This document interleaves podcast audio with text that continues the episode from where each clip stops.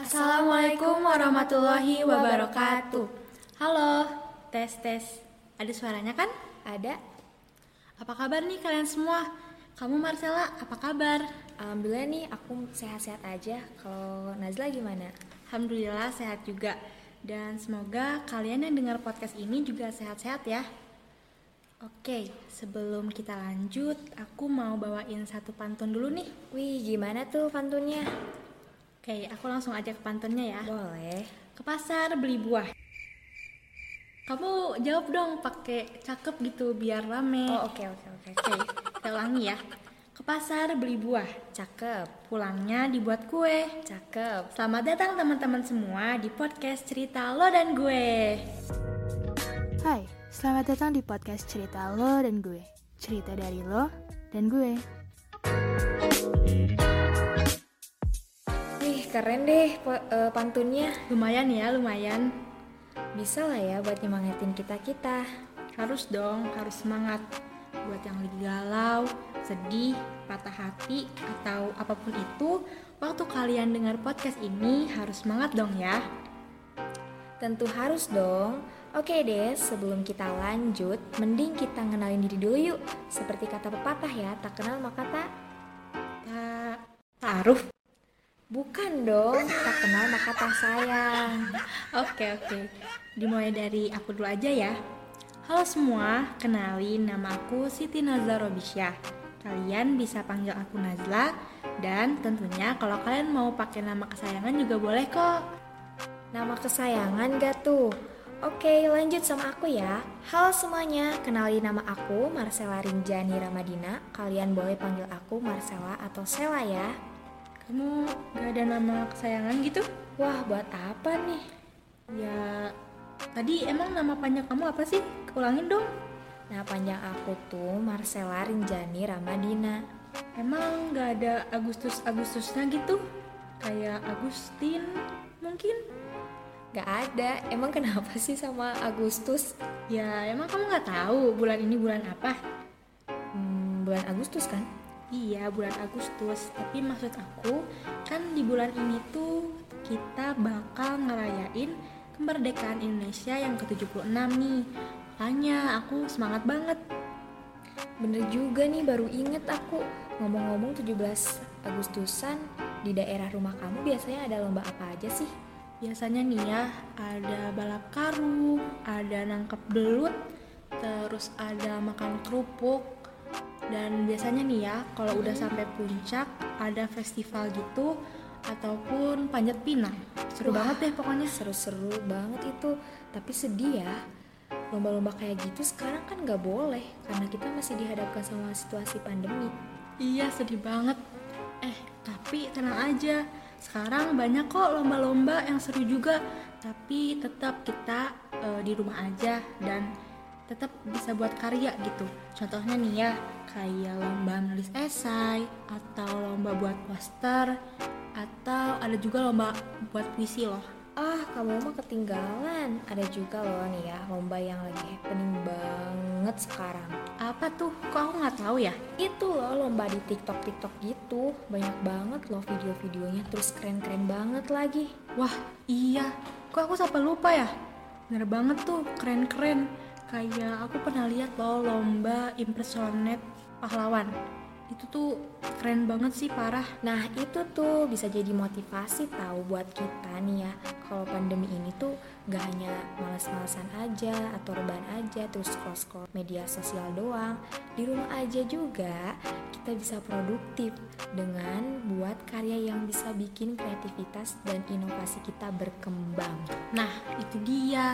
Kita juga berharap nih sama teman-teman di sini yang lagi dengerin podcast ini supaya kita tuh bisa jalanin aktivitas kita di rumah aja dengan produktif ya. Apalagi kan sekarang nih lagi ngerayain ulang tahun kemerdekaan. Teman-teman juga bisa tuh ikutan lomba-lombanya. Yap, bener banget. Eh, tapi ngomong-ngomong kemerdekaan, gak kerasa ya, udah 76 tahun yang lalu gitu. Masyarakat kita tuh berjuang buat merdeka dari para penjajah. Iya, dan perjuangan mereka tuh hebat-hebat banget untuk bisa merdeka. Perlawanannya pun banyak banget gak di satu daerah aja. Iya, perjuangan mereka tuh hebat-hebat banget untuk bisa merdeka kayak perlawanannya pun banyak banget nggak di satu daerah aja loh kayak di Bandung terus ada juga di Bali dan masih banyak lagi deh Iya hebat-hebat ya. Padahal kan kalau bisa dibilang dulu itu kita tuh masih pakai senjata yang tradisional, Iya. bukan yang canggih kayak sekarang gitu kan? Iya, dan pasti nih ya, perlawanan di setiap daerah itu ada aja ceritanya masing-masing. Ya, seperti yang kita tahu ya, ada di pelajaran sejarah sama di PKN juga. Iya tuh, aku juga pernah baca gitu cerita-ceritanya, beragam banget deh. Nah, kamu tahu nggak sih, ternyata para penjajah juga ninggalin kebiasaan nih atau tradisi mereka lah ya di Indonesia. Kamu tahu nggak sih? Wah kayak gimana sih tuh Nas? Dari yang aku baca nih ya, kalau kita perhatiin bahasa yang kita gunakan setiap hari, nah itu tuh ada beberapa bahasa yang merupakan bahasa serapan. Contohnya nih ya dari bahasa Portugis, terus ada dari bahasa Jepang, sama ada dari bahasa Belanda juga. Nah, contoh lainnya itu ada sistem penerapan LTLW. Pasti di rumah kita juga pakai sistem itu kan? Iya pakai. Nah, ternyata waktu penjajahan sistem ini tuh udah dipakai sama Jepang.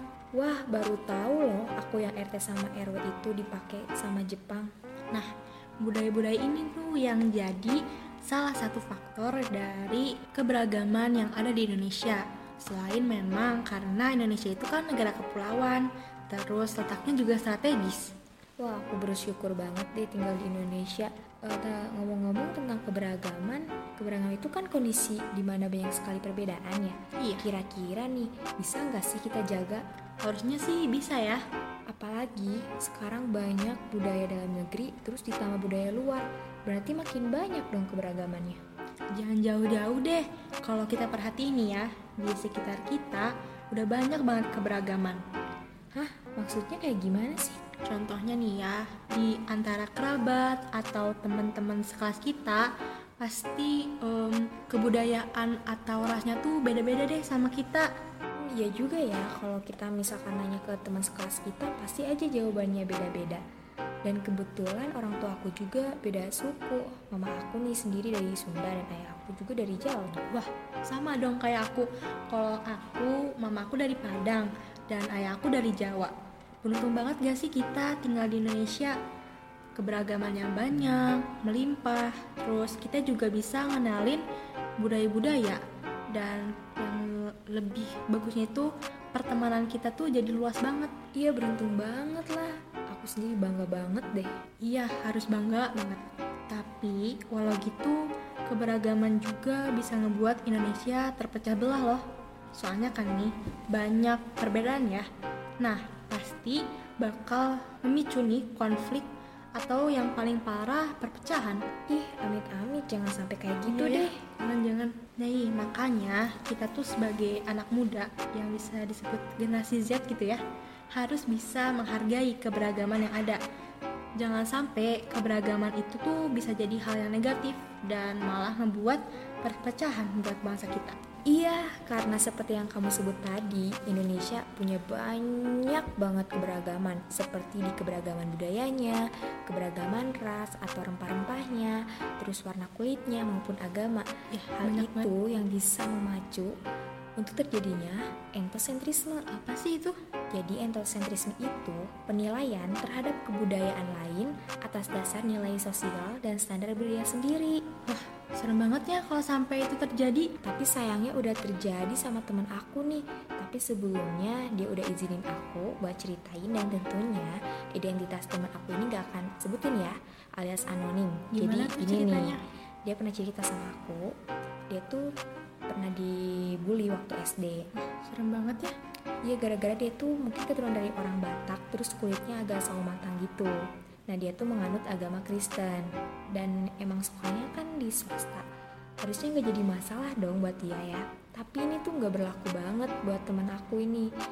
Jadi malah hal tersebut itu malah dijadiin bahan ejekan sama temen-temennya gitu. Parah. Parah banget gak sih? Sampai dia pernah dipindahin mejanya biar duduk sendiri. Terus ya dia juga diomongin aneh sama temen-temennya sendiri. Awalnya sih dia biasa-biasa aja, tapi kan makin lama-lama tuh makin sering diajakin, ya akhirnya dia tuh coba untuk berani speak up kan. kalau dia itu normal gitu kayak yang lainnya gak aneh-aneh sih cuman ya karena mungkin dia sering ngelamun dan ter terlalu cuek ke keadaan sekitarnya gitu jadi dia tuh di dicuekin gitu sama temen-temennya atau Hmm. dijauhin gitu sama temen-temennya terus terus Nah, pada pada saat itu ya teman-temannya tuh tiba-tiba nerima dia gitu. Terus dia tuh diajak itu masuk ke dalam satu perkumpulan atau bisa kalau dulu mah disebut geng-geng gitu ya. iya, iya. Nah, awalnya sih baik-baik aja dia tuh diperlakukan dengan baik mungkin ya. Tapi mungkin lama-lama dia aneh. Kenapa sih lama-lama nih teman-temannya tuh kayak manfaatin dia gitu. Terus kayak seenaknya gitu karena dia tuh terbilang cukup pinter waktu SD. Nah udah mulai merasa deket nih. Eh ternyata makin seenaknya lagi gitu. Malah sering diporotin lagi gitu pas lagi jajan. Sampai diporotin. Parah banget sampai diporotin gitu. Terus akhirnya eh temenku ini kesel banget dan nangis ya Karena dia dikatain anak freak Gak cocok temenan sama kita. Terus akhirnya dia pun keluar lah dari perkumpulan Hmm. itu dan mulai nyari teman baru. Biasanya kan kalau udah dikatain anak aneh pasti susah tuh dapet teman kayak trauma gitu ya. Tapi buat temanku ini kayak sebuah keberuntungan gitu. Jadi ada satu temen nih ada satu orang tuh ya yang cukup hits di kalangan sekolah mau temenin dia dan jadi teman sebangku dia. Buat balas budi nih dia ceritanya dia tuh jadi sering bantuin si temen ini kayak belajar bareng gitu. Jadi kayak naikin nilai bareng-bareng gitu ya sama-sama gitu. Jadi jadi deh teman sebangku ini jadi ikut naik nilainya. Keren. Keren gak sih? Keren banget ya. Terus dia juga sekarang tuh jadi lebih aktif terus banyak ikutan organisasi mulai dari di sekolah ataupun yang umum gitu. Dan sekarang nih ya teman-temannya yang ngejek itu jadi nyesel deh karena pernah dulu gitu. alhamdulillah ya Eh, mereka nyesel akhirnya. Dan serem banget gak sih cerita kayak gitu? Iya. Apalagi tadi aku denger nih teman kamu tuh sampai dicap kayak dikasih label gitu sama teman-temannya sendiri. Dan itu tuh yang malah bahaya banget sih menurut aku. Iya bener banget sih aku yang dengarnya aja tuh jadi ikut sedih tau nggak? Kalau dipikir-pikir juga ya kenapa ya masih ada aja orang yang kayak gitu? Padahal kan kita bisa lihat dari sisi positifnya aja gitu tanpa kita tuh harus mencari-cari kesalahan atau kelemahan dan kekurangan dari seseorang tersebut gitu. Bener banget tuh. Mungkin sekarang giliran aku yang cerita nih ya. Boleh tuh jadi aku tuh punya hmm, teman-teman yang di sekolah di sekolahku yang kita tuh beda kepercayaan. Terus Hmm, gitu. kebetulan kampung halaman kita tuh beda. Alhamdulillahnya aku ini tipe orang yang senang bersosialisasi terus suka juga kenalan sama orang baru dan kita tuh malah jadi teman deket gitu. Oh. Nah, dari perbedaan itu, aku tuh jadi banyak tahu soal kebudayaan dia. Dan sebaliknya, dia juga jadi tahu banyak soal kebudayaan aku. Terus kita juga sering sharing-sharing tentang eh, pengalaman kita. Selain itu nih ya, yang bikin aku terharu dan bahagia banget punya teman kayak mereka. Mereka tuh selalu ngingetin aku gitu di sosial media oh positif terus gitu ya iya terus aku kayak ini tuh bersyukur banget gitu punya teman kayak mereka dan kadang-kadang nih ya kalau misalnya lagi luar terus azan gitu ya mereka tuh yang suka ngingetin aku untuk sholat dan itu tuh terjadi karena kita tuh saling memahami perbedaan yang ada. Nah makanya penting banget kan toleransi itu. Indah banget gak sih kalau kita bisa nerapin toleransi itu di segala aspek kehidupan kita? Mau itu di sekolah terus di lingkungan masyarakat atau nih ya yang paling kecil aja di rumah kita sendiri. Apalagi nih ya kita tuh kan tinggal dan hidup di negara yang mempunyai semboyan bineka tunggal ika itu meski berbeda-beda tetapi tetap satu jua wah keren ya indah banget punya pertemanan kayak gitu Em, tapi menurut kamu sendiri nih toleransi itu apa sih dan kenapa penting banget untuk kita nerapin sikap toleransi di kehidupan sehari-hari gitu Toleransi ya, menurut aku toleransi itu tentang menghargai sih, menghargai perbedaan yang ada. Kenapa penting? Ya simple. Kalau nggak ada toleransi, pecah semuanya. Konflik di mana-mana, terus kita juga bisa saling menyakiti, menghakimi, dan kacau deh pokoknya. Tapi kalau kita semua bisa nerapin sikap toleransi, kita tuh kan hidup berdampingan ya. Pasti akan jauh dari yang namanya perpecahan. Gak ada keributan, gak ada saling menyakiti. Nah, hal itu tuh yang bakal ngebuat kita jadi tentram dan kita bakal lebih leluasa untuk jalanin aktivitas kita sehari-hari. Ah, dan satu lagi, kita itu kan makhluk sosial ya, makhluk yang sangat memerlukan bantuan orang lain. Nah, dari sikap toleransi ini bakal ngebuat kita jadi punya rasa solidaritas yang tinggi. Wow, bener banget. Semoga kita bisa terbiasa ya buat menerapkan sikap toleransi ini. Kebayang gak sih Sel, kalau kita bisa nerapin nih sikap toleransi itu dalam kehidupan kita sehari-hari gitu, di rumah, di sekolah, hidup kita tuh bakal tentram banget. Yap, bakal tentram banget sih. Gak ada tuh yang namanya menjatuhkan budaya ataupun ras ataupun agama lain. Nah, teman-teman yang dengerin podcast ini juga sama kan kayak kita, kita semua tuh pasti nggak mau keberagaman yang kita punya ini malah jadi suatu ancaman buat bangsa kita.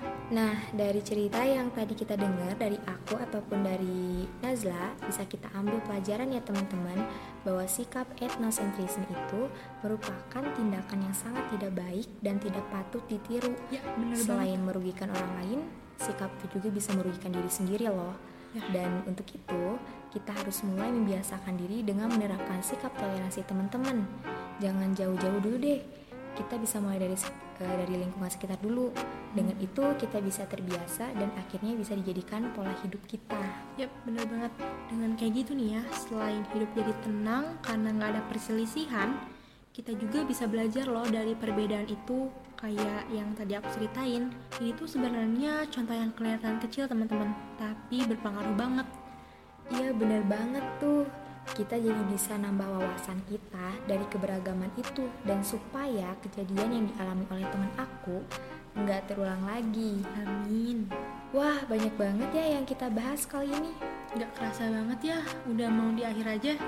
Hmm. Iya nih, oke deh teman-teman Semoga pembahasan kita kali ini bisa bermanfaat ya Apalagi soal toleransi ini Semoga kita semua bisa nerapin di kehidupan sehari-hari Nah, selain itu nih, aku mau balik sedikit lagi nih ke pembahasan kita yang awal tentang 17 Agustusan.